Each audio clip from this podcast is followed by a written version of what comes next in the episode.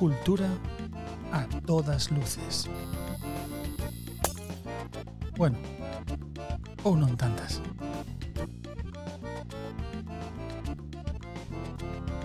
Un podcast de Revista Luces. Presentado por Pablo Carrera e Lois Blanco. bueno, pero hoxe está Lois Blanco solo, non por nada, sino que Pablo está moi liado con, con ensaios e movidas, pero están con nos Martín Varela e Sara Donoso, que a presentaremos, bueno, podedes saudar a nosa xente. Moi boas. Hola, que tal? Dicir, a voz que soa a Martín é e Martín e que soa a Sara é Sara. Sí, é... É sinxelo nesta ocasión. Eu son Sara. Esta é a parte importante. Aí está, e a partir de aquí Eso, traballamos. Exactamente. Este é o, este é o plan. Eh, bueno, para poñervos en, en contexto, Martín Varela, eh, mago, pois pues, al que non o coñece, pois podedes podes buscalo que é bastante fácil que ademais os podcasts como só os escoitan, podedes mirar o, o teléfono, non pasa nada. Este é un plan, Estupendo. non hai problema. Non é como, ah, entra en YouTube, entonces... Te... No, directamente podes entrar e velo sin problemas.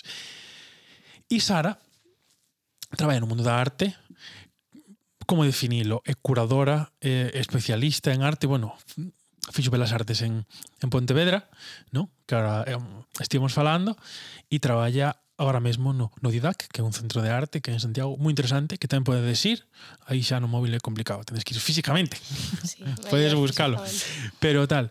E aquí nos encontramos que é a excusa do cultura a todas luces que com, que, que como día promo o das luces eh, a, a veces isto queda máis intelectual e outras veces menos. É dicir, esta idea, ¿no? Que algunhas veces nos sale máis tontería e outras veces cosas con máis que eh, peso. O sea que por eso non vos preocupedes, que aí tenes licencia para ser máis listos ou menos. Aquí ah, hai, hai barra libre. Quero dicir, hai dos dous lados. Eu intento equilibrar que xa cousas interesantes e tamén un pouco menos, que sexan máis máis amenas, ¿no? Entonces, eh, por entrar un pouco en, en, en materia. Logo falaremos do espectáculo novo de, de Martín, que tamén vin, Inventio, eh, que é unha locura, pero así, así como spoilers, sabes? deixo aí, en plan, genial, pas, genial. como aí o, aí o levas. Pero imos empezar falando que o, o mundo da arte é un mundo a veces bastante descoñecido, é como hai xente como especialista, pero parece como que para o, o gran público está un pouco olvidado que este é un dos temas que eu quería tratar no podcast, falar de arte, porque de música se fala bastante, de cine se fala bastante, pero de exposicións e estas cousas, non. Entonces, penso eu, vaya, non, hai unhas artes máis mainstream que outras, isto está claro. Logo parece que ir a museos é como de xente como moi especial, pero logo todo o mundo cando vai a tal sitio busca un museo. Quer dicir, é un clásico de de turistas. Entón, imos empezar con un contexto bastante simple que é para que a xente se sitúe un pouco en que consiste o teu traballo, como é o teu día a día, Sara. É unha pregunta que parece simple, non é tan simple de responder, non é, eh? Non é. A miña vida é complicada, pero bueno, intentarei Como responder... en Facebook, é complicado. Como aquilo aquelo é, compli é complicado. A ver, eu son xestora cultural e comisaria de arte eh, independente, Entón, isto quere dicir pois que colaboro con diferentes eh, institucións, diferentes proxectos, tanto públicos como privados, e tamén tento facer pois os meus propios proxectos, non na medida do posible. Wow. Entón, o meu día a día, bueno, primeiro, por unha banda, traballo na casa, de xeito autónomo, E, e logo, por outra banda, pois colaboro con institucións como o Centro Galego de Arte Contemporánea, a Fundación Didac ou a Facultade de Belas Artes, que son, digamos que as tres patas non que sustentan agora mesmo o meu traballo. Así que diría que é moi divertido, porque, bueno, non hai tempo para o aburrimento, sempre hai cousas novas das que aprender e cousas que facer, e tamén un pouquiño estresante, pero bueno, dentro o estrés forma, forma parte, non, desa diversión. Teño vale, que tomalo así. Cando chegas a casa non desconectas. Mm, Ou sí, pero máis ou menos. Pouco. Desconecto aí, pouco. claro. Sí. Esta é a cousa, non? De feito, eu traballei como guía turística durante un ano e o que me encantaba dese traballo era que non había que pensar para nada. É dicir, ti estudiabas primeiro os tours e tal, pero despois non tiñas que pensar absolutamente nada unha vez que sabías os contidos e agora, claro, tamén botaba de menos esa parte de ter que darlle a cabeza, non? E agora todo o contrario, non, non desconectas, tens que pensar todo o rato. Pero wow. pero bueno, é interesante, é interesante sobre todo pois é un reto, non? Realmente o día a día digamos, hai veces que tamén estás como máis tranquila e eh, coa parte de incertidume que iso conleva, non? De non saber o que vas facer pois ao mes seguinte, que supoño que Martín tamén pois terá o mesmo problema ou a mesma situación e, e outras veces que estás tan a tope que non das abasto, non? Que esa para min é a parte que mola. É a parte que mola, sí. pero cando estás nese momento tamén dices, estou ata sí, narices. estou ata narices, tal e cual. E cando chega un momento de tranquilidade dices, bueno, dices, xa non me vais a ir nada nunca máis. Tal cual. sí. Tal cual. No, pero moi curioso que non haxa punto intermedio no. porque non hai. Non que dicir, no. e, e, e hai algo bastante curioso que é, bueno, ou polo menos é unha sensación que cando cando estás eh, parado, parada, facendo nada, non te aparece nada. Ah, Sin embargo, cando estás con un montón de lío, de repente, mira, podíamos facer non sei que, podían non sei cuantos. A ver, non sei se un tema enerxético ou é casualidade ou o que sexa, pero pasa. É dicir, basta que te enredes a facer cousas, a que te, a que te queran enredar con máis. E basta que estés, estés na casa e non e queiras que soe o teléfono, que e non. E non. sí, e pasa, non pasa. a todo o mundo, ademais, é eh? mm. unha cousa que que é moi curiosa porque é mm. común a todas as persoas coas que falo que adícanse pois ao oído da cultura, sí. sempre é así. Non sei se é unha cousa de dunha man negra que hai por aí. Non, totalmente. Ou, parte precarización ou... do sector, eu creo, non? E sí. parte tamén dinámicas propias de isto de, de dedicarse a proxectos diferentes, non? Sí, e logo tamén hai unha cosa que, que bueno, hai, hai proxectos que son máis eh, pois que se, que se desenvolven nun momento concreto do ano, non máis estacionais, digamos, uh -huh. e, e isto sí que notanse un pouco as dinámicas pois das fundacións, das institucións, etc, que hai certos meses nos que hai máis cantidad de traballo, uh -huh. e logo por outra banda eu creo que tamén ten que ver coa idea de que cando estás a facer algo hai máis difusión, máis visibilidade, o publicas nas redes, etc, e a xente pois lembrase de ti, non? E unha cousa deriva na outra. Totalmente, sí, sí. Ah, Vas allá Rosalía. Por exemplo. Por exemplo. Totalmente. Por exemplo. Sí que lle pasa.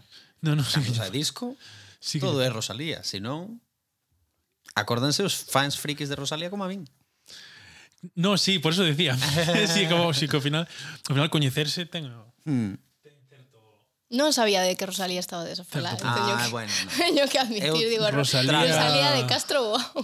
Rosalía Utiño, bueno, como anécdota, anécdota tonta, eh, escribira un sketch que logo non se publicou nin nada, que que era unha coña, como que de pequena Ana Quiro estivera en, en, en Barcelona e cadrara con Rosalía.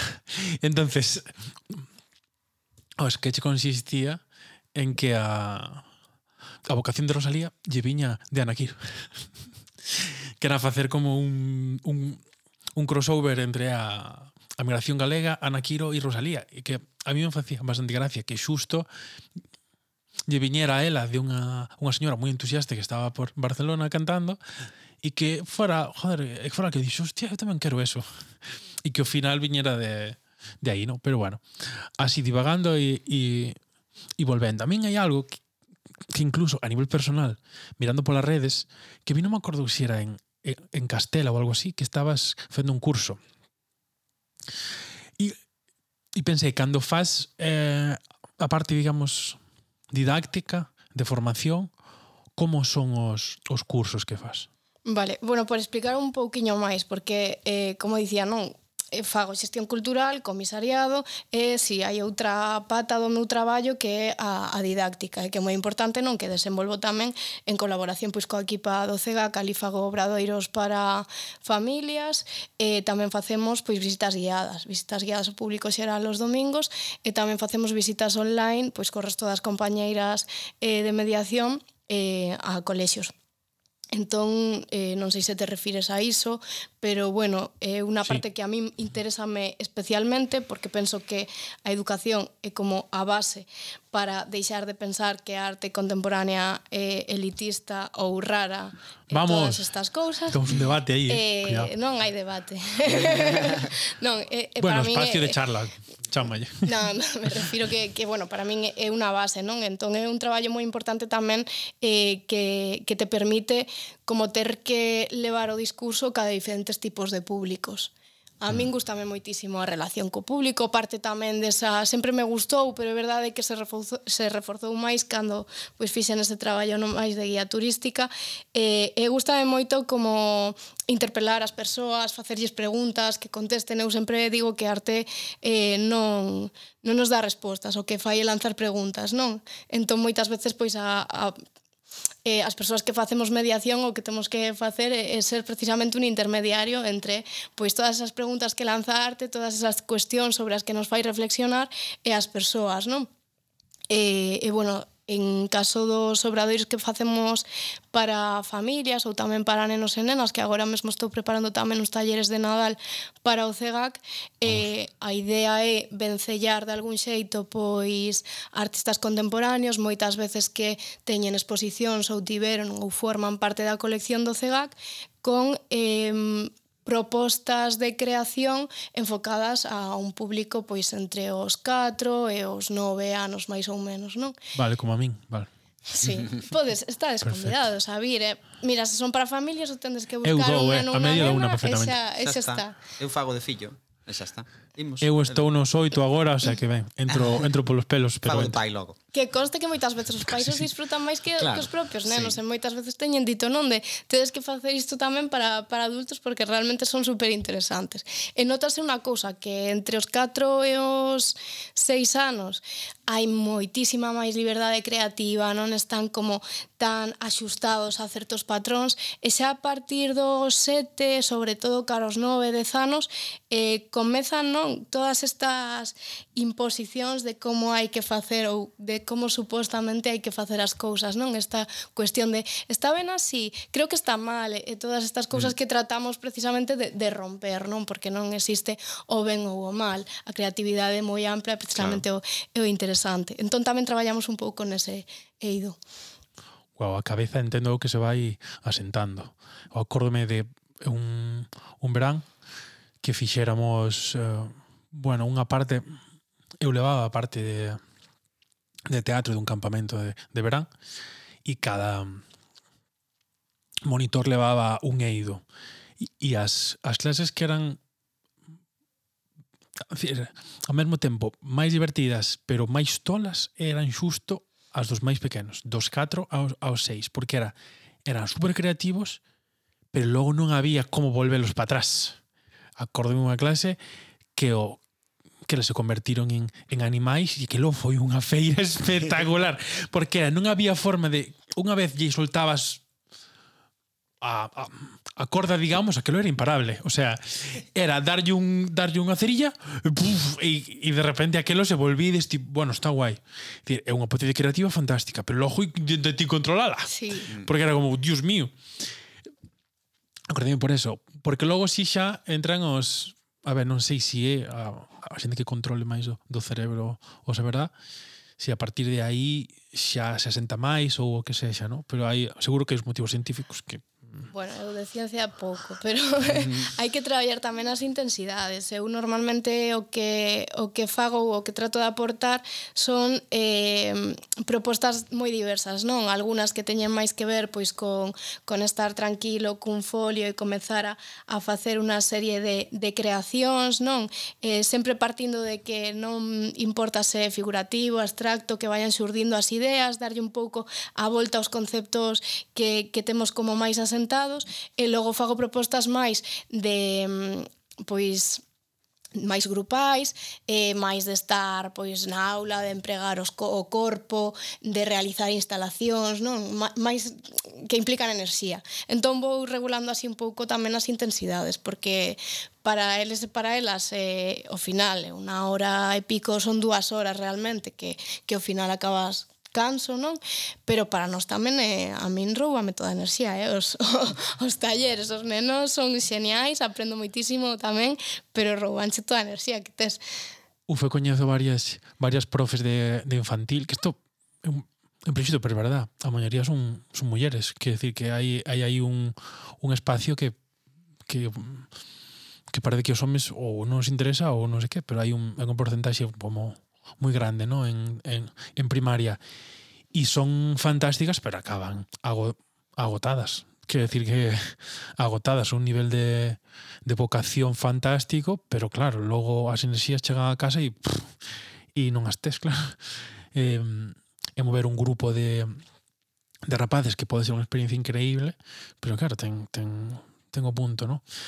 Eu, teño unha, unha cuestión que soa complicada, que é eh,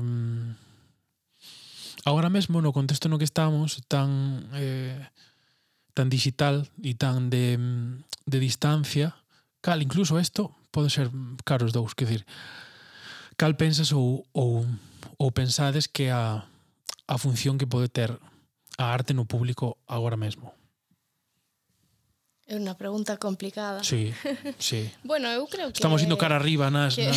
sí, sí, sí. Hai temas que aínda non se resolveron, eh? o do debate ese que nas luces. digo. Eh, bueno, eu creo que a arte eh, en xeral, non? Tanto antes como agora, pois ten esa función que comentei de, de sobre todo de abrir a mente. A min unha cousa que me inspira moitísimo os artistas, eu fixen las artes, pero realmente logo el, sempre digo que, que me fun ao lado escuro, non? Porque fume a, ao lado da crítica do comisariado, tamén formei, formeime a través de diferentes mestrados e do doutoramento, pois nesta outra parte máis teórica, porque non sei ser artista. Para mí parece máis difícil do mundo, non? Ser artista. Eu tampouco sei, eh... mírame, mírame aquí. e, eh, e bueno, precisamente porque os artistas teñen esa capacidade de, de mirar ao seu redor os problemas, as cuestións que nos implican a todas as persoas como cidadáns e de, e de darlles unha volta e de transmitilas, non? Eh, pois dun xeito, neste caso eu dedícome ás artes visuais, pero bueno, pois vos no campo da dramaturxia pasa o mesmo, no da masia seguramente tamén, non? E, e como facer clic un pouco no imaginario colectivo eh, non sei cal era pre... ah, sí, cal era a función da arte penso que é esa, non? Eh, curto, cortocircuitar un pouco os, a nosa forma de pensamento moitas veces moi tradicional ou moi establecida nunha serie de, de parámetros eh, e poñer o foco en cousas que moitas veces pois deixamos máis de lado e penso que poden convivir perfectamente, conviven tanto digital como presencial. E de feito no CEGAC volvendo un pouco ao tema da, da didáctica, eh, a partir da pandemia comezamos a facer visitas online a, a secundaria e tamén a primaria e funcionan de maravilla. E non teñen nada que ver coas presenciais, claro. Pero son unhas visitas nas que facemos un, un achegamento á arte contemporánea e nos desde os nosos despachos, casas, etc conectámonos por Zoom cos colexios e a través dun PDF pois imos mostrando unha serie de exemplos eh, tamén levados pois ao campo da primaria non con máis mm, dinámicas de mediación ou en secundaria xa pois cunha linguaxe diferente pero unha serie de exemplos de arte artistas contemporáneos que engloban pois diferentes disciplinas, moitas formas de pensar, de facer, materiais. E un pouco é increíble non que realmente da igual que a xente teña eh 16 anos ou que teñan 10, mm, ás veces son mellores os de 10, pero iso que que realmente hai como una, un valeiro non no que respecta á arte contemporánea. Se mm. tipos unha imaxe, pois, por exemplo, do nacemento de Venus, e preguntas isto é arte, que é unha pregunta que facemos, claramente din que sí, e se, pre, se pos unha imaxe dunha obra, pois unha instalación, unha obra abstracta, que sexa, xa aí comezan a entrar en conflicto, non? E comezan pois as típicas cuestións de isto fago eu e todas estas cousas. E de repente ti comezas a contarlles un pouco cales son os procesos, que preguntas pode lanzar, eh, comezas a ensinarlles que arte non simplemente son pinturas, esculturas, que arte contemporánea rompeu con todo isto, que ten máis liberdade, e moitas veces quedan coa boca aberta, non? E, e, e sorpréndete realmente como despois a pregunta final é era o que esperabades ou era algo máis? E normalmente din, pois era moito máis do que esperábamos, non? E penso que é como o paso para poder ir a un museo e non ter ningún tipo pois de pois, de prexuizos, digamos. É que hai unha clave, estaba estaba pensando, que hai unha é unha clave de feito de que claro, hai algo que que Martín e eu compartimos en contextos e momentos distintos que é ter estudiado Historia da Arte. A mí agora me queda unha asignatura para acabar a carreira. Unha, foi unha levando ano a ano pola, pola, pola UNED Claves del mundo actual. Uf. Chamase. Ah, uf. Normal que che quede. Chamas. Digo, eh? Bueno, básicamente, confiéime no, no examen e había un, un método de análise que eu non seguín, análise de miña maneira, que isto me pasa, mas non, pois, xo fago eu. E logo resulta que había un había un patrón, saltei o patrón e suspendí. Este foi o foi o proceso. Non vos saltedes os, os patróns que están para algo, non fagades como a mí. Eh, si están aí, están para usar o, o patrón. Entonces, onde hai patrón, non manda marinero. Pois pues eso, hai, os ditos están aí, non? Pero hai algo que hai unha clave aí que é o, o salto a arte contemporánea que a min sempre me interesou e me sigue pasando como como acabar con esa distancia que moita xente do público ten, no? Quer decir, mesmo eh, fun a, a, a París coa miña coa miña nai, como coa miña irmá, ir ao Louvre sin problema, fomos. Pero claro, quería ir ao, ao Pompidou e non viñeron. Aí está o exemplo. Dices, no, a eso vas ti. Claro, aí está a clave de como se fai para saltarnos ese, pois eso, vas ti. Pois vente, joder. Que decir, que fascinante, eu vin cousas maravillosas no Pompidou, me encantou, no no Louvre tamén. Pero pero como como se fai ese ese salto de sí, a isto vamos a a pintura flamenca, eu sei. Vamos todos porque é fantástica e a ver eh, unha instalación maravillosa, non non imos. Como, a ver, isto por qué? si son igual de fascinantes, bueno, para mí son igual de fascinantes, pero si ah, pasa por ali e di, bueno, vale, pues da igual, e eu flipando ali, dicindo, pero isto é unha maravilla, e a peña, ah, bueno, pues pasan por ali, marchan, es decir, o... esta divagación é un pouco, así en geral, é unha reflexión de como podemos acercarlle a, a xente esa fascinación, non? Sí, a ver, por unha banda está normalizado, non? Está legitimado está legitimada a arte clásica eh, por pois, pois séculos realmente de consumo de imaxes que teñen que ver pois cunha serie de representacións religiosas, mitolóxicas, históricas, etc., e eh, que son maravillosas, uh -huh. eh, pero pero bueno, pois a arte contemporánea ao final é moi nova, eh, leva con nos dende o século XX, principios do século XX, bueno, depende de onde dos manuais que manexemos, mm. pero máis ou menos, non por entendernos. Entón realmente é algo que aínda estamos pois a, a experimentar e como dicía antes, hai tanta liberdade que se pode fa se poden facer todo tipo de cousas. Entón, ás veces é máis complicado como establecer unha relación cos públicos. Eu, como dicía ao principio, a educación é a base. É verdade que tamén hai que facer autocrítica moitas moitas veces pois as exposicións que facemos ou os proxectos eh, nos estamos dentro do noso propio círculo no que xa coñecemos unha serie de códigos e moitas veces esquecemos que pode haber xente que non eh, este tan cercana a eses códigos non eh, como se podería solventar isto? Pois a través da mediación a través de paneles explicativos, de cartelas que inclúan un pequeno parágrafo pois sobre a obra, bueno, e logo xa tamén pois de visitas guiadas, de todas estas cuestións que xa están máis normalizadas. Pero pero logo tamén a educación dende dende as escolas. Hai, hai moitísima diferencia entre nenos e nenas que os pais pois preocupáronse por levarlles a diferentes eventos culturais, xa non digo museos, senón en xeral eventos culturais de todo tipo, máis clásicos, máis contemporáneos, etcétera, é xente que nunca consumiu cultura, non? E notase moitísimo. É unha cuestión de, de ir crecendo e normalizando a arte contemporánea igual que normalizamos a música e o resto das artes. Sí, entendo que bueno, este exercicio de, de diferencia no canon, bueno, pero eso logo imos imos volver. Agora quería entrar no no segundo bloque do programa que é falar de maxia, pero antes deso imos escutar unha promo de, outra, de outro podcast de, de Luces, porque non, non somos solo nós, hai máis xente, eh, que aí somos unha comunidade que vais o paraugas de luces e, des, e desescoitalo. Ben, boas, eh, como Pony Pre ou Pony Express, atravesando tormentas que nos amenazan e o que faga falta, estamos aquí outra vez. A actualidade está sobrevalorada, ese podcast no que actúan e brillan Ana Luisa Bouza Hola, Ana. Hola, que tal? Antón Losada. Boas, casi me gusta máis o de Pony Press que o de Pony Express. Sí, temos máis que ver coa información que con correos. Pues, Aparte de, de pequeno sempre quixen ter un pony. Eh, joder, todo o mundo. Como cada mércores en luces.gal, a está sobrevalorada.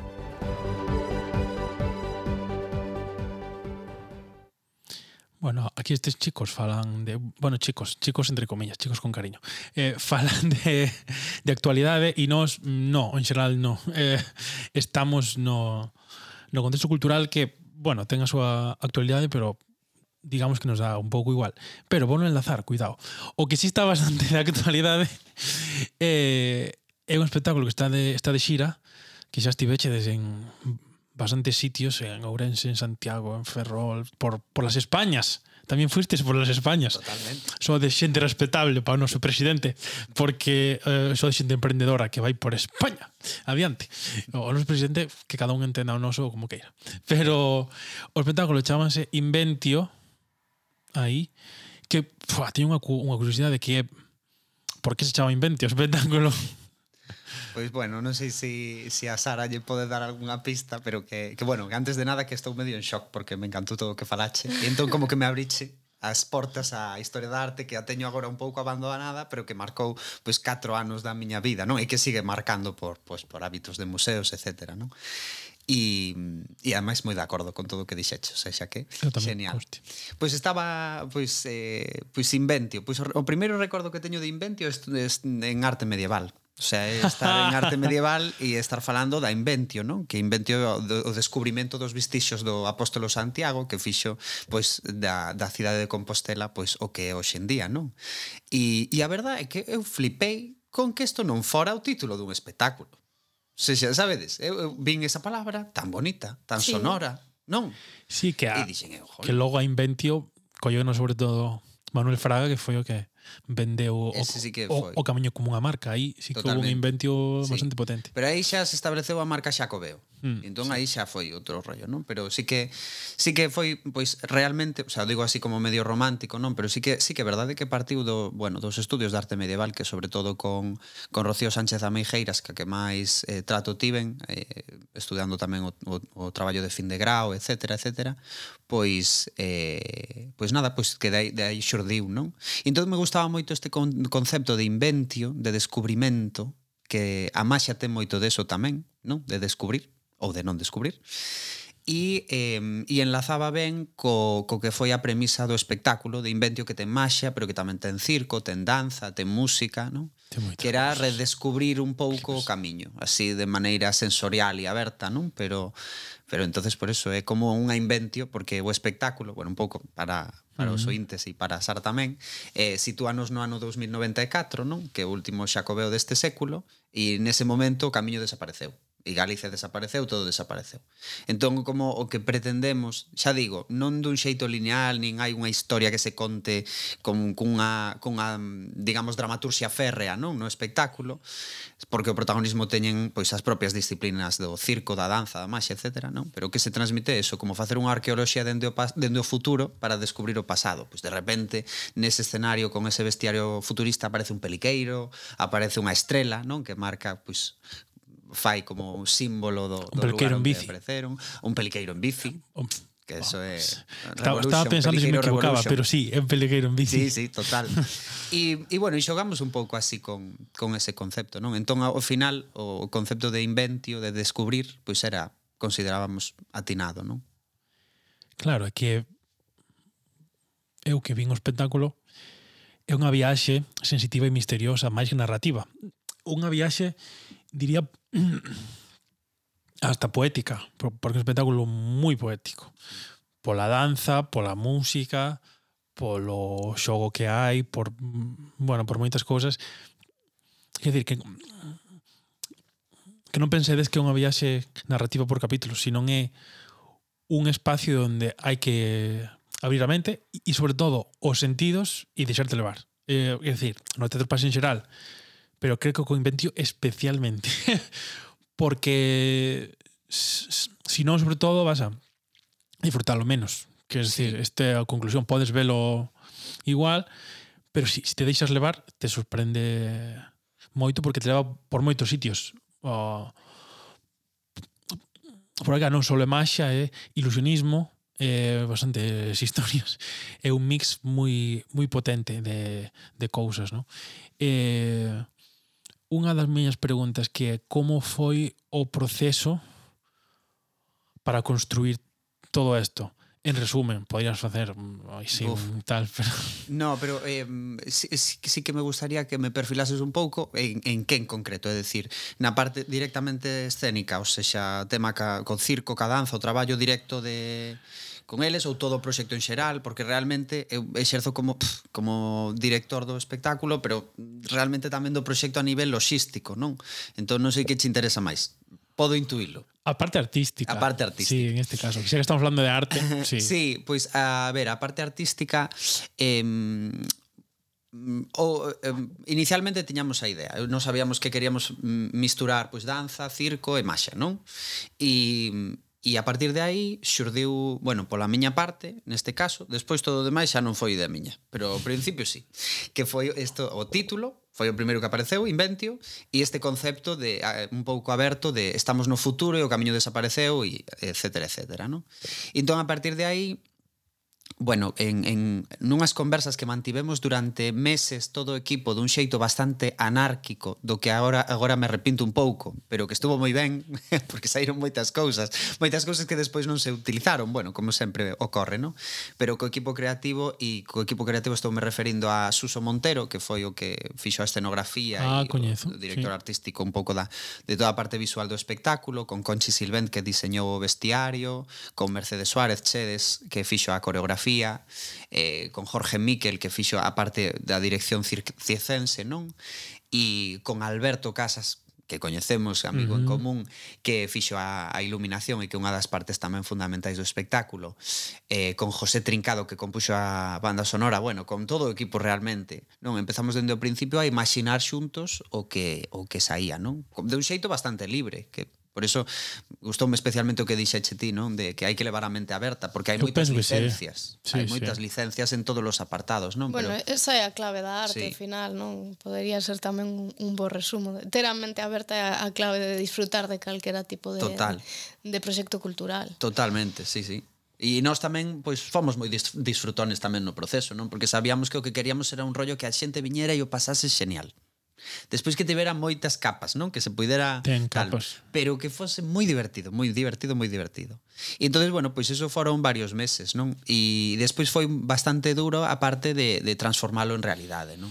o traballo non tanto polos polos artistas que polos artistas foi fantástico, non tanto seis artistas de circo, seis bailaríns que viñeron e tal, eh, eso foi unha parte super, bueno, fixemos unha familia que agora é inseparable, de feito estamos Si sigues con seises total. faz o anticristo do, do Por camiño. Por iso xa bueno, paramos en magos. Outros... En vez de seis magos vai un. Outros seis xa la vai. no, pero, pero foi así un pouco... Foi moi bonito, pero tamén foi unha, un momento moi difícil, pois con todo o tema da...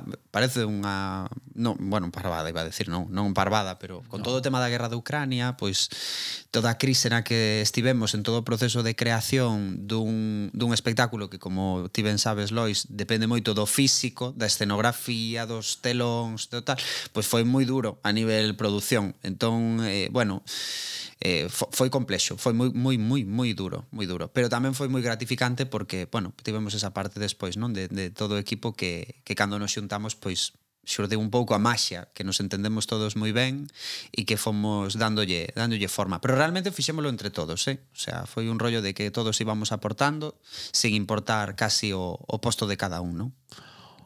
unha curiosidade bastante concreta que teño eu que é do ilusionismo que hai no espectáculo eh, eran cousas que xa fixeras ou son novas? Em, pois deixame facer memoria porque eh, a maioría son cousas novas casi todos son cousas novas, que foi un rollo que despois me arrepentín, porque dixen, eu, jolín, podía meter cousas que xa tiña, que tiña ensaiadas e que xa tiña traballadas. Cousas xa traballadas. Pero casi todas son novas. E, e de feito hai un xogo moi guai aí con, con, con algunhas masias que agora podo, podo comentar, pero hai un par delas que xa, que xa tiña de, de antes, non? Pois, unha imaxe que a min me gusta moito que é o momento dos aros, non? No que hai un bailarín que baila cun aro metálico, hai un artista de circo que fai un número de aro aéreo e estou eu facendo un número cuns aros que levitan, sí. de, que son eh, é o único momento no escenario no que se ven as tres disciplinas á vez. Mm, verdad. eh, e, e pois ese número xa estaba, non obviamente que cambiouse todo a favor da desta desta nova presentación, non? E tamén hai outro outro número que o unha transposición cunha caixa que tamén facía, pero os restos eh, son todo maxas novas, non? E decía transposición que soa a estar mal do estómago, pero vale. Totalmente, por, transposición total. Estou super transposto, este mi madriña, se si estás transposto. E chamas de metamorfosis, imagínate. O sea, terrible, que pode sair de aí, non? Sale un virus, polo menos. Polo menos, sí. Sí, sí. E, pero sí que hai un xogo guai con varios números, sobre todo do arranque do espectáculo, porque mm, o espectáculo, como digo, situase no futuro, non? E para facer os, os creo que son tres ou catro primeiros efectos de magia que hai, escollemos todos números que teñen máis de 100 anos. O sea, fomos ao classic classic. E o que fixemos foi pois intentar cambiarlles un pouco a parte visual, non? Eh, a, a, a digamos a a superficie do número, non? Pois hai unha aparición inicial no que eu aparezo nunha gaiola que eu nunca vi nun espectáculo de maxia, que lera en libros e tal. Ou hai, por exemplo, pois outro número no que se empregan 5000 bolas, eh, tal que ah, tamén, xa, que se outro, outro xa, dos potentes. Sí, sí, sí. sí, sí. Está Lois como Son moitas bolas, xa. Sí. Son moito novelas. E que o número de escapismo e tal, pois pues, eses son ou o número no, no que aparecen todos todo o elenco pois pues, dunha caixa, non? Pois pues, todos esos números que teñen 120, 130 anos, non, da época dourada da maxia e que e que rescatamos agora para bueno, para para para inventar. Dourada por qué? Ti que sabes? Bueno, porque Como curiosidade miña porque foi unha época aí a, a finais do, do século XVIII e comezos do século XIX que houve unha explosión de, de espectáculos de maxia que coñecemos nós na maxia como como o, a época dourada da maxia. Hai pelis en ese contexto, sí, verdad? hai moitas. Ai, de feito, sí. as pelis que hai de maxia e o, o mago Son que imaginamos ese. na eh. cabeza é o mago daquela é o mago dese momento, non? Ah. E, e... A Hugh Jackman. A Hugh que ademais de mago é moi guapo. Ah, home, pois, bueno, entonces, xa, entonces, contra ahí, eso quen compite. Entonces aí, madriña. No, pero sí que, que dese momento. Entón, nese momento, pois, eh, tanto o éxito dos espectáculos eh, en Inglaterra, en Estados Unidos, eh, levou a que a creatividade se agudizara. Un pouco que falábamos antes, que cando estás facendo cousas, toda a xente, pois te chama, pois non sei que, pois isto igual, cando está vendo éxito, créase moita maxia, créanse moitísimos efectos, e, por exemplo, a min que me fascinan as grandes ilusións, que son os números máis grandes e tal, a gran maioría de grandes ilusións que se fan hoxe en día foron inventadas daquela ou os principios básicos que se empregan hoxe en día foron inventados daquela e seguimos que, vivindo de decir, quen foi o que fixo? Foi o Mago Antón o que fixo desaparecer a, a Torre de Hércules? Uh, desaparecer? Ah, pois pues non, sei. Sí, fixo Antón eso. Ou eso, ou, ou eso, ou eso foi algo que Ou fixeche ti na, que falamos na cabeza tío. un xogo porque David Copperfield fixo, fixo desaparecer a Estatua da Liberdade. Pero ah. non sei ah. se Antón fixo eso. Pero bueno, sería capaz, eh? porque ese sí que facía de todo. Eu vin a Antón facer un escape na, dunha, dun acuario de auga, non inmobilizado e tal, na to, aos pés da Torre de Hércules. Eso sí que... Ah, igual, i, igual foi eso. Que foi o no, que no 2010, sí, que foi unha pasada, sí. Houve un tempo que Mago Antón era tremendo. Eu sí. recordo ver un espectáculo en Santiago del que tiña unha carpa gigantesca sí. maravilloso. Sí. Maravilloso. Unha revolución Un escapismo total. e a entrar nunha moto e sí. sí. Bueno, unha pasada. Eu eh, recordo ver o, o vídeo dese espectáculo de Vía Láctea tamén. Vía Láctea, Vía este Láctea. era, era Vía sí. Láctea. Que tamén Ese tiña que ver co camiño, de feito que contaba... Sí, por eso me acordei tamén. Sí, sí que contaba a historia do, do propio eh, apóstolo Santiago facendo o seu camiño, non? Que era tamén moi, moi chulo. E Hai un... eu recordo ver o vídeo dun especial da tele e absolutamente alucinar. Eu estiven ali, fun o meu pai, aquelo, Uf. aquelo foi, vamos, o sea, Eso tiña que ser increíble. Xa, xa solo a carpa. A carpa era preciosa, sí, estéticamente xa era bonita, sí. Porque sí, era unha sí. carpa enorme, cunha forma moi particular, porque era como un teatro, pero nunha carpa. Entón, iso era, tiña que ser increíble. Eu recordo que estaba no campus. Que, por certo, aquí falando de eso de, de carpas, agora, pa quen, para que non o saibas, o circo sigue dando cartos. Teño un amigo, bueno, é un amigo en común noso, Xandre, Uf, que lle vai fantásticamente co, co circo en Vigo e en outros crack. lugares e pensas, bueno, pois que? O circo tamén bueno. tamén dá de comer. Eu estou, estou a lembrar o, o proxecto este da cidade dos muchachos de Benposta, era, tamén. non? Tamén, un documental moi guai sobre Pois estiven aí hai dous meses por ali, por turismo, quero mm. dicir, a min encantame ver sitios abandonados. De feito, ese mesmo día fura una, foi Sí, foi o día que fun a un antigo psiquiátrico abandonado tamén, bueno, a mí wow. gustame moito ese rollo. Eh, é unha pasada o sitio. Eh. E a carpa eh, que teñen o, o sitio o proxecto Uf. realmente, non? O, sí, o, é fascinante. O, que de repente da nada sair a ese proxecto onde chegou xente de todo o mundo, conquistaron, bueno, conquistaron Estados Unidos, Xapón, eh, foi, bueno, Acaba sí, de virme así a Sí, no, é un proxecto este. increíble, non? E acabamos wow. de comentar pues, tanto o Circo dos Muchachos, a Cidade dos Muchachos, como o Mago Antón, os proxectos de tal, ou como o Xandre e os seus proxectos que son fantásticos todos en mm. Galicia. O sea, que me parece genial. O sea, que son proxectos a nivel cultural, escénico, super, super potentes. Como curiosidade, que non ten nada que ver, pero que se me veo a cabeza polos galegos, resulta que agora a selección marroquí, que, bueno, deben estar agora xogando, que está arrasando no Mundial, o, o, o que os prepara físicamente é galego. Ah, así? sí. Outro día entrevistaron, va, hai un español, hai un español en las filas de Marruecos, vamos a, a entrevistar al fenómeno del mundial. Es un gallego, dicen, e dicen, pues como que no, pues claro que sí, pues claro que sí. Home, galegos polo mundo. O preparador físico de Marruecos é galego, claro que sí, pues por suposto que sí. Van a tope eles. Entón, eu creo que é un momento fantástico para entrar así no terceiro bloque de forma moi, moi natural, que antes de entrar nas preguntas que eu tiña, bueno, non, creo que un tema que xa tocamos, podemos saltar. Sei que vai ser complicado, pero vou vos fazer unha pregunta moi concreta que, bueno, podedes dicir un que vos apeteza, pero si vos dan a escoller un cadro, un, Uf. Que, que cadro sería? Eu outro o, moi claro. Eh? Oxe, eh? igual outro día esquedes outro. Non é vinculante de cárcere ni nada, simplemente agora mesmo xa está, non ten. Eu teño moi claro onde que era Dende hai anos e anos o perro se me hundido de Goya. Wow. Xico ten claro. Martín no tanto. Clarísimo. bueno, pois pues eu digo un ca... vou dicir un que teña na cabeza, teño que decir que tamén podería relacionarse porque é un rozco. Ah, bueno, é que é o meu eh, segundo, sí, sí, eh, sí. E a min sí. rozco fascíname, non? E a meu pai tamén, curiosamente. Sí, a, a mí me parece, bueno, non sei.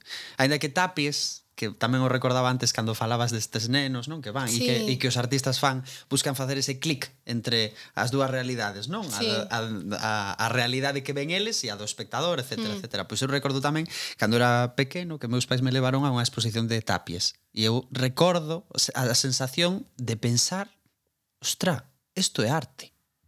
Sabes, de, de non dar crédito. Como, puf, flipo. pero que me gustaba, eh? Sí, non, non sempre pasa, bueno, de feito a min pásame moi pouco, non?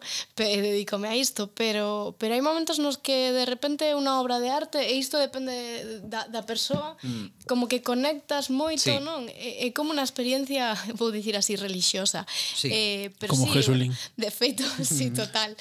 De, de feito, Rodko, e, eh, e bueno, todo o movimento do expresionismo abstracto estaba moi vencellado a idea do, do misticismo en relación á arte, non? A Capela Rodco tamén, que é maravillosa, e todas e, e Goya, sobre todo as pinturas negras e o perro semiundido, bueno, Goya foi precedente de, de todo, é o pai para min da arte contemporánea, pero pero o perro semiundido tamén ten esta cousa como non sei, eu cada vez que eu miro, nas últimas viaxes a Madrid, sempre que vou ao Prado, simplemente vou a ver as pinturas negras, porque lembro como o pesadelo de ir ao Prado cos meus pais e ver absolutamente todo e non me gustaba nada, pero logo cando fun crecendo e mirando non escollendo un pouco os cadros que si me interesaban, sempre vou á sala directa das pinturas negras, é como unha conexión, non sei, ás veces mm. é difícil explicar, pero sí. co cadro e ten moitísima relación con, con Rocco, de feito. Total. Sí, que curioso. Estas obras que parece que te podes perder nelas, Sí, non? sí, sí. Mm. Como abrallante, así como... Sí. Xa escollemos un cadro. Que tal? Que tal o fixemos? Fantástico. Bueno, guai. Fantástico. Metín así un, un tal de fondo. Va, perfecto. Perfectamente. Segundo, segunda, segunda cuestión. Isto é un pouco parecido, pero creo que nos dá para, para cousas. Dentro dos movimentos artísticos, É ver, se vos din en, en un suposto que hai, que hai un sitio que podedes que, que podedes velas, decir, que hai un, un pabellón para cada unha, que isto sería fantástico, unha expo Uh -huh. que non fora como a expo de Sevilla uh -huh. e tal, senón que unha expo de, de exposicións uh -huh. e que hai un pabellón de cada de cada movimento artístico así en xeral en cal, en cal entrades. Desto de, de que, va, teño unha entrada sola, só podo ir a un. Bueno, movimento, escola, falamos así en xeral, sí, non? en xeral. Vale, pois pues entonces eu na Bauhaus. Ajá. Sen dúbida. Ajá. De cabeza. Ou para Bauhaus. Encantaría. Ajá. Eu non sei que dicir, a verdade. Si un pabellón, Paso xa por fora, tería un sitio, claro. Ao un pabellón, vamos. Ves, eu son moi de do, do surrealismo, eu, así en xeral. Claro. Sempre me encantou fixen o TFG sobre el, ademais, quero dicir, teñolle querencia eu ao movimento ese, dese momento. Non mm. agora, porque ese é outro tema. Hai conceptos que se traen á actualidade e me parece que, a, que o concepto surrealista está como moi viciado. Mm. Ah, isto é surrealista. Ah, sí. Se usa un montón. Eh, é dicir, hai unha parte, no mundo académico sí, pero digo que hai eh, no mundo, digamos, mm. máis coloquial, a palabra surrealismo está muy pisada. Uf, sí. Ah, este mm, no sé qué, es surrealista. Y dices, no, ¿qué decir?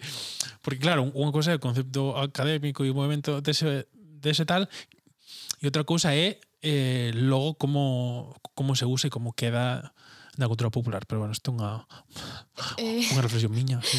Eu é que non podería, así como cadro teño moi claro, non podería escoller como movimento ou ou incluso un momento histórico, non? Pero sí que é verdade que teño como certa predilección pola pintura, en xeral, eh, pola pintura abstracta tamén en particular e polo expresionismo abstracto. Encantame o expresionismo abstracto lembro unha exposición non sei en que ano foi non foi fai moito que houve unha exposición do expresionismo abstracto no Guggenheim de Bilbao e, e foi maravilloso como pasear por eses cadros. Bueno, eu sou moi romántica nese aspecto non? Tamén é unha cousa así como pero que estaba moi vencellado de feito o romanticismo co expresionismo abstracto.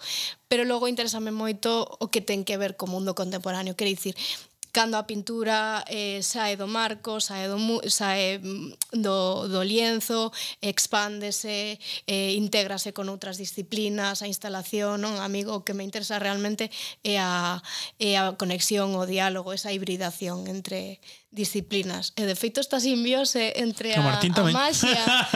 sí, claro, é que cando comezaba pensei, non? Digo, que guai a simbiose entre a maxia e a arte contemporánea, e logo un pouco co que estabas a falar, digo que realmente hai hai conexións. E hai un campo por ah, explorar. Algúnas veces intúo cousas. De feito, este programa eu xa quería facer de, de segundo, pero por, por circunstancias, dicir, dos programas regulares nosos, eu quería que fose o, o segundo a, para facelo despois do de Uxía e, e Carlos Callón, porque tiña moi claro o tiña como moi, ah, isto hai que facelo. como, non sei por qué, pero o tiña super super claro. Hai outro apunte que é dos dos museos aos que fuchedes que recomendedes un, dous, tres os que, que irades a, a xente tamén.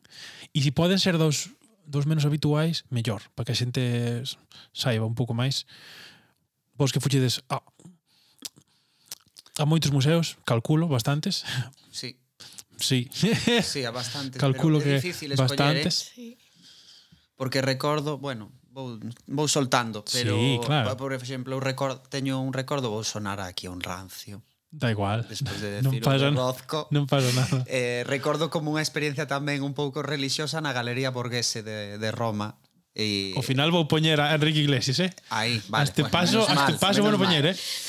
Pois sí, na Galería Borghese de Roma, porque eu teño certa predilección polos museos que son pequeniños, que se ven nun, en pouco tempo. E, e ese, claro, pf, é que pequeniño e ademais cunhas obrazas de Bernini que flipas. Entonces, é eh, como para para alucinar. E recordo que se me gustou, que me gustou especialmente.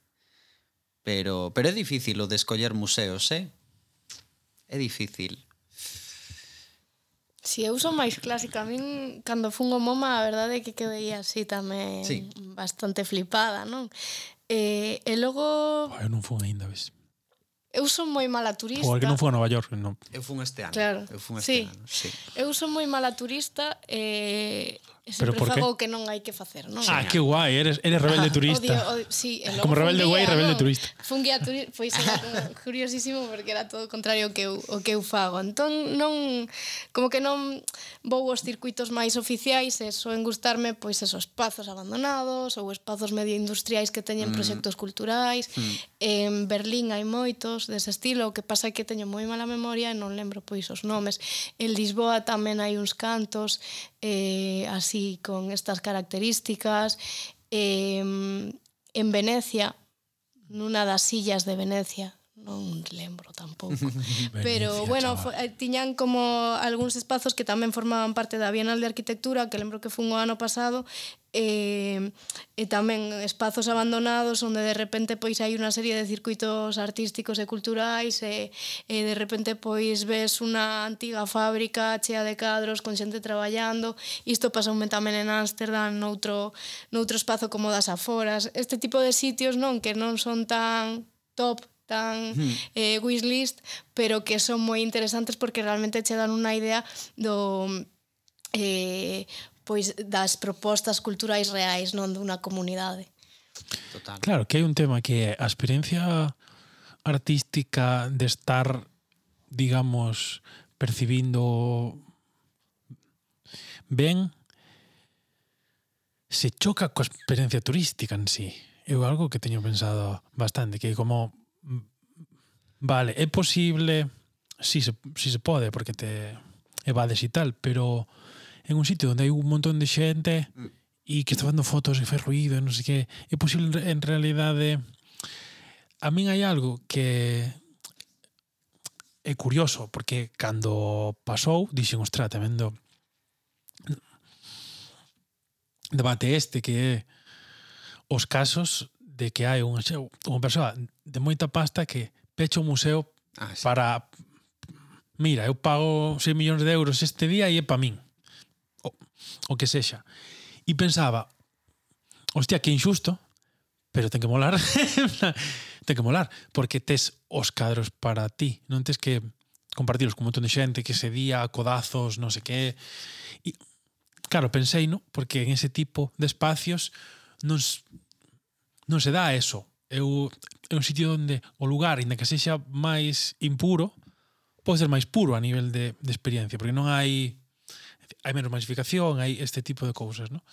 Levoume a eso, que igual é posible que a experiencia sexa como máis eh, xenuína, sino é como aún máis no Louvre, a ver que sitio como fago para hai verme sitio temas aí, ¿no? para comentar. Pff. digo que acabas de abrir como 50.000 sí. temas, sí, sí, porque sí. vamos. Pero non sei, eu eu creo que non é incompatible unha cousa coa outra se se fai con certo control, non? Uh -huh. Precisamente neste caso que, que comentaba o tema da Galería Borghese, non? Eh, a ver, que é moi particular e tal. A min, o sea, me gustou especialmente, entón me deixou marcado, non? Pero poñenche hora de entrada e de saída. Entón, claro. tes unha hora, un, creo que dúas horas, eh, para ver todo todo, todo o museo. Depende moito de como sexa o teu a, como te plantexes ti a visita ao museo, non? Eu considero, eh? Estou falando de, de opinión, eh? non é nada mm, tal. Claro. Pero de como de como plantexes este tema, eu considero que este tempo foi máis que suficiente para para para visitalo, non? Xa non falo de un traballo pois mm, máis alá de visitar un museo, non? Estou falando solamente dunha visita como medianamente turística.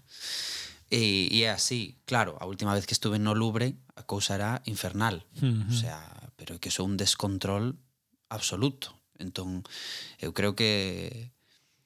E na, e na galería burguesa había xente, pero que se podía camiñar. No Louvre non. O sea, nas salas que rodean a, a Gioconda, eso é insufrible. O sea, entón eu creo que sí, que está ben que que por unha parte sexa unha cuestión de masas, non? E que sigamos aí no, no foco do, da actividade turística, digamos os museos, non?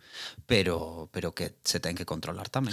Buah, acabo de acordarme dunha idea que non pensaba sacar, pero si sí a vou sacar, que é que pensades do movimento ecoloxista da porque eu teño un dilema con bueno. ese tema que é as o, os movimentos de protesta que se pegan ao a, aos cadros e lle tiran cousas a, aos cadros. Bueno, incluso hai casos que lles fan sin sí, sí. sin, sin dano, ¿no? Pero este é que o melón. Mm. Eu voume anticipar mentres mentres pensades, teño un dilema con isto. Por eso o digo que estou super a favor do movimento ecologista e é curioso que solo atopasen voz facendo isto e parece que isto si sí lles funciona para que lle, lle lle fagan caso, pero claro, evidentemente a nivel artístico é polémico e é complicado, ¿no? De de, e además que me resulta na práctica como bastante sur, eh, surrealista o feito de que cando, bueno, ves, cando ou un movimento precisamente no Prado que, que que un chico e unha chica se pegaron aos marcos e contaba o, o xornal que tiveron claro que despegalos con, con cuidado e con Nivea trouxeron Nivea e o, e foron despegando pouco a pouco, pois estaba, estaban pegados cada un a un marco, ¿no? entonces claro, en conflicto porque como hostia, fai falta e o movimento é moi necesario, pero claro, logo me entra tamén o lado, digamos, máis convencional e digo, pero que fai esta xente? Quere claro. que fai esta xente? Por que fan isto? Entonces, eh, está o tema aí e está moi en presente a estes días. O sea. Que... Bueno, eu quería comentar unha cosa a raíz do de antes e creo que pode enlazar ben, non? Creo que hai como unha tendencia que leva xa moitos anos a banalización en xeral da cultura. Eh, da cultura, a turistificación tamén de certas obras de arte de, de certos edificios non? Eh, e mesmo do, do patrimonio non? Do patrimonio tamén natural. Eh, eu por exemplo a min eu adoro ir a facer senderismo eh, ir aos espazos naturais a montaña e tal e non soporto esta cultura dos miradoiros de vou facerme o selfie e marcho, é como é terrible. De feito, bueno, unha O el caballero puxo un sitio ¿no? Pero, para selfies ali en Claro, pois pues este tipo de, de primeiro impacto, claro que funciona, é o que lle funciona a xente. A min Póñeme moi nerviosa, eh? Todo isto, pero este tipo de primeiro impacto, de feito fungo a Azores en agosto. Oh, que envexa. Estaba como, sí, mola moito. Estaba, estaba como moi nerviosa por dicir, jo, como este petado de xente. E teña que estar no monte, rodeada de xente dame algo, porque sí. é o que máis odio. E non, foi unha cousa curiosísima. O que San Miguel estaba cheísimo de xente, non había onde cear, nada, os miradoiros igual, e logo camiñabas 10 mm, metros e xa non mm. había ninguén. A xente non lle gusta camiñar, así que maravilloso, porque podes ir en calquera época do ano. Un pouco pasa o mesmo pois con, estes, con estas tendencias, non? Hai que ir ao Louvre a onde haberá Yoconda, en que non houbera cadros mellores no Louvre que a Yoconda, non? Etcétera, etcétera. Entón é unha, cousa, unha cuestión que agora se suma tamén pois as modas das redes sociais e de todas estas cousas e que xa potencian aínda máis este elevarnos un pouco pois como as ovellas, non? Como no, no rebaño. El, volvendo ao tema que comentabas dos, bueno, destas prácticas eh, ecologistas e tal, de reivindicación, claro, a, coa reivindicación estou de acordo, pero non coa forma. Que pasa? Que a forma tamén ten que ver pois con, con esa búsqueda do, do impacto da sociedade, mm. como, como vivimos así, non? Vamos un pouco como borreguiños, e o que nos interesa é facer a tontería para sair en todos os medios de comunicación, pois ao final pasan estas cousas, pero penso que, que ao final contribúe precisamente á banalización da arte e que, e que haberá que buscar outros, outros hitos de facer as cousas, porque, de feito, a raíz disto, moitos museos comezaron a, a modificar un pouco as súas normativas, e se antes xa era complicado nalgúns entrar por, co, con bolsos, mochilas, etc., agora aínda pecharon máis, non? Como as medidas de seguridade. E, bueno, é unha cousa un pouco extraña que, sí. que ten máis que ver con, con chegar a unas masas que outro... Sí, sí que fai máis dano, eu creo que a repercusión que consigue, non? Pero pero bueno, sí que eu estou totalmente de acordo con vos, de acordo ca ca reivindicación, pero ca forma. Eu teño pensado que que a que estaría ben, que eu entendo que é unha forma de e o feito de de provocar eh me parece lícito. O tema é eh que claro, este argumento que eu no que les se basan, ¿no? que sin, sin futuro uh, a arte non importa. Que, é dicir, se si non temos un futuro non imos ter arte tampouco. ¿no? entonces claro, é o, elevar o debate a un lugar que entendo que non... Quer decir, se si hai unha serie de responsabilidades de, de institucións a hora de algo, digamos, ecolóxico, a arte non ten nada que ver con eso. Quero dicir, os cadros non teñen nada que ver con ostra, con que haya, haxa que manter X axenda de, de emisións, por exemplo, no? Quer dicir, se os países non cumplen unha axenda de emisións, van a cambiar porque ti tires unos ovos a un cadro. Quer dicir, este a gran... Me, me, é dicir, me parece en esencia un acto desesperado e creo que non é o, non é o sitio. no Conste que, claro, como como si estou de acordo e entendo que fagan, a mí sempre peta a cabeza, digo, ostra, de claro, estou en este tema, porque non o sei, estou como mm, como no medio, ¿no? A, a, a veces digo que, e claro, teño visto, por exemplo, entrevistas que en que en Prime Time, por exemplo, entrevistaron a un, a un dos que se, se pegaron ali no, no Prado e, e o rapaz, en vez de ser constructivo ademais, foi moi destructivo. Ah, pero vos tamén silenciache desa non sei quen. E pensaba, hostia, te dá un espacio no prime time e te volves agresivo. É moi complicado que a xente que te ve diga, ostra, pois pues vamos a empatizar con esta persoa. Ainda que teña razón. E, e a e o, e o teu motivo xa fantástico, pero bueno. Pero ten razón na esencia, pero é claro. moi gratuito, mesmo a nivel conceptual, se o pensamos, é super gratuito, quero dicir, mmm, ni sequera escollen os cadros porque teñan algún tipo de relación co, co mantemento de recursos mm, eh, bueno, eh, no do, do territorio, etc. Non no, do, no do Prado foi polo, do, polo 3% que había un cadro vestida e a outra que, que estaba espida, o sea, había aí un había un que había un, intento, había aí un, de... un discurso como de, sabes, como de me poño entre as dúas entre as dúas majas e poño o 3% no medio para que quede claro que que hai unha subida das temperaturas, no? Pero bueno.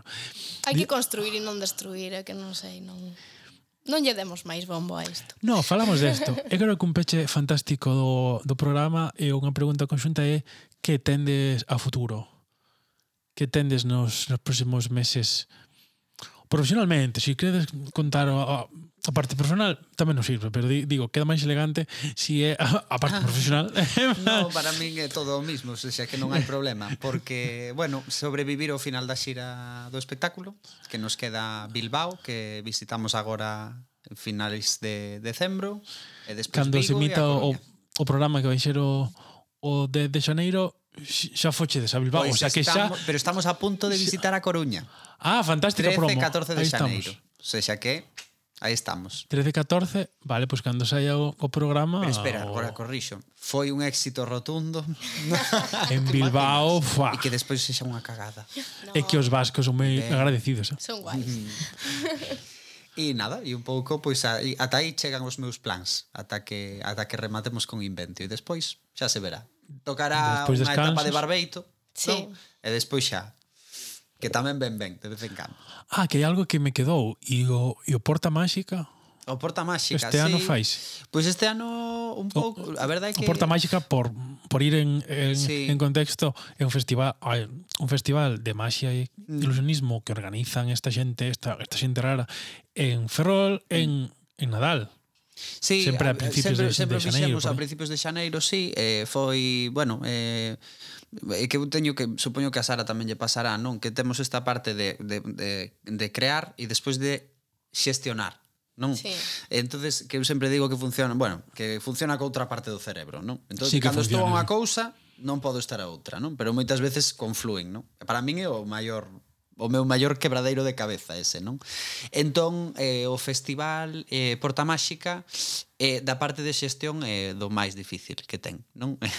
Hai unha institución que nos apoia e que nos recibe, que é o Concello de Ferrol, pero que ten o seu funcionamento e que é difícil, non? Entón, sempre hai toda, toda a mellor predisposición a, a leválo a cabo, pero, bueno, a xestión é, é complexa, non? E este ano, como tamén empezamos, bueno, pues, comezamos a xira de Inventio en setembro ali en Ferrol tamén, eh, e sigue ata mediados de xaneiro, pois quedou un pouco no aire porque porque non non ti, non me daba a cabeza para para todo, non? Pero pero sí que me gustaría, sí que me gustaría que continuase ao longo de do ano que ven, ao longo ao longo de 2023.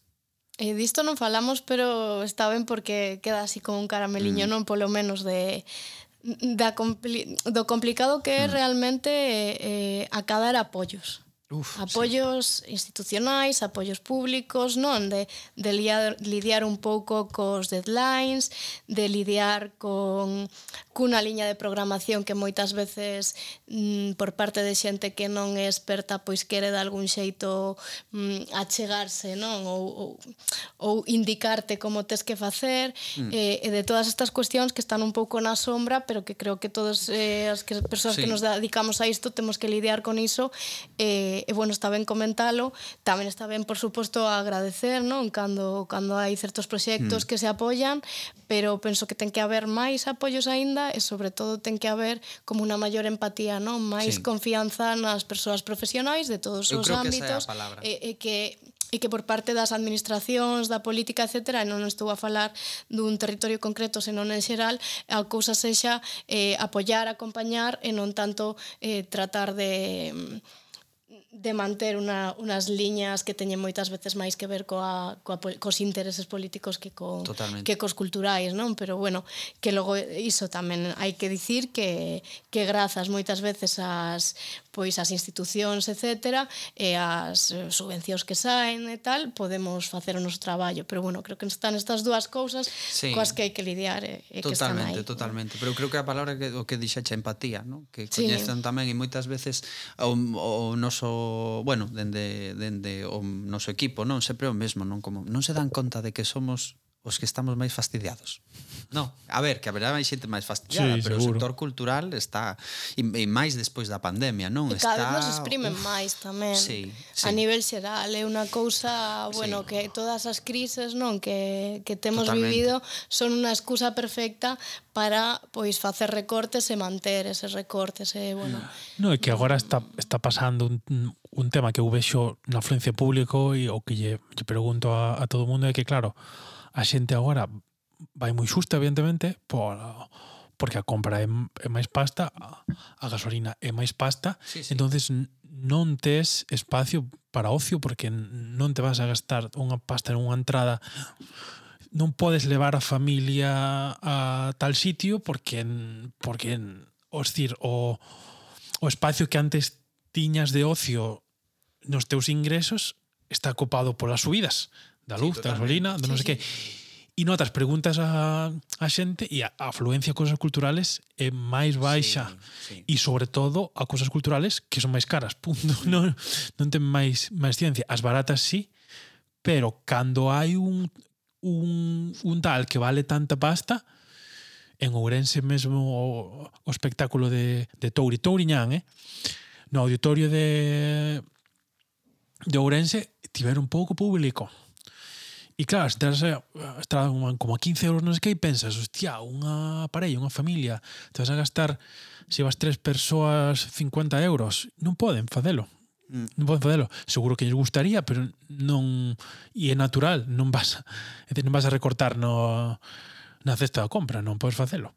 Non vas a recortar no Sí, sí, totalmente. Eh, e si onde recortas, se, xa, se xa, pois non podo ir a ta, xusta, ou, ou non agora. ir a e que é o que máis o notan? O ocio e o entretemento. Seguro que os, os restaurantes te o mesmo. Te dicen, uf, a estas alturas eu tería o doble de reservas e agora mm. teño un tercio menos, tal, seguro, que sí. non, non o preguntei, pero seguro. Sí, sí, sí Porque nota. é cuestión de sentido común.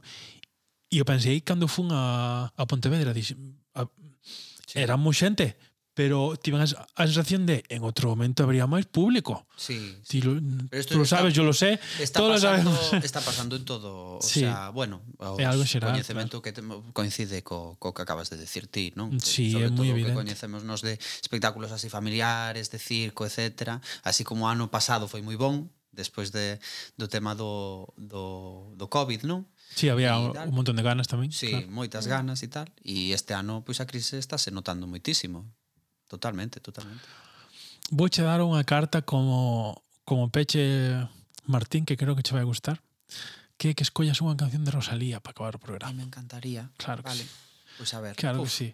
Que vos poñer, como, como ademais somos poucos aquí, non creo que nos denuncie Rosalía, e se nos denuncia no, o, Rosalía no, por favor. O programa se vai escutar moito máis, así que a favor. A ver, plan, que canción? Sara non é fan de Rosalía. No. Pois, eh, pois xa está, como tiña, tiña que ser algunha cousa intensa, algunha cousa máis divertida, bizcochito. Ah, bueno, eso se pega a cousa... Hombre. Cousa fina. É que sempre acabamos cunha, cunha canción É raro que a poñamos inteira, pero pero está está sonando, o sea que, bueno, Somos de contrastes. Ah, así que queda un programa muy culto, pero con cultura popular tamén, que isto claro, está, está aí. Isto está aí. Agora mesmo está sonando. Moitas gracias. Moitas gracias a vos. Foi a conversa fantástica, dan ganas de de repetir que teñades, bueno, vos un decembro fantástico o, o que queda e a xente un xaneiro, porque non ximos con tempo. O sea que un placer e nos vemos no próximo. Pois moitas grazas, foi moi divertido. así Cultura. que- Un placer. Sí, sí. Bueno, quedades con, con cultura popular. O sea que, Chito. Yo no tengo nada más que decir. Para decirle hace falta mucha clase. Mi piquete duro te marea, hasta tu mamá lo tararea. Que manda que me tira la mala, soy jara que me tira la buena. Habla bullshit todo lo que dice facea. Jimimica pela ola de Corea. Habla bullshit todo lo que dice facea. Jimimica pela ola de Corea.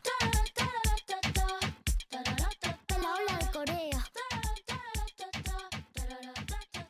De Corea. No soy envidia, tu bizcochito. Pero tengo todo lo que tiene delito. Que me pongan nanas o como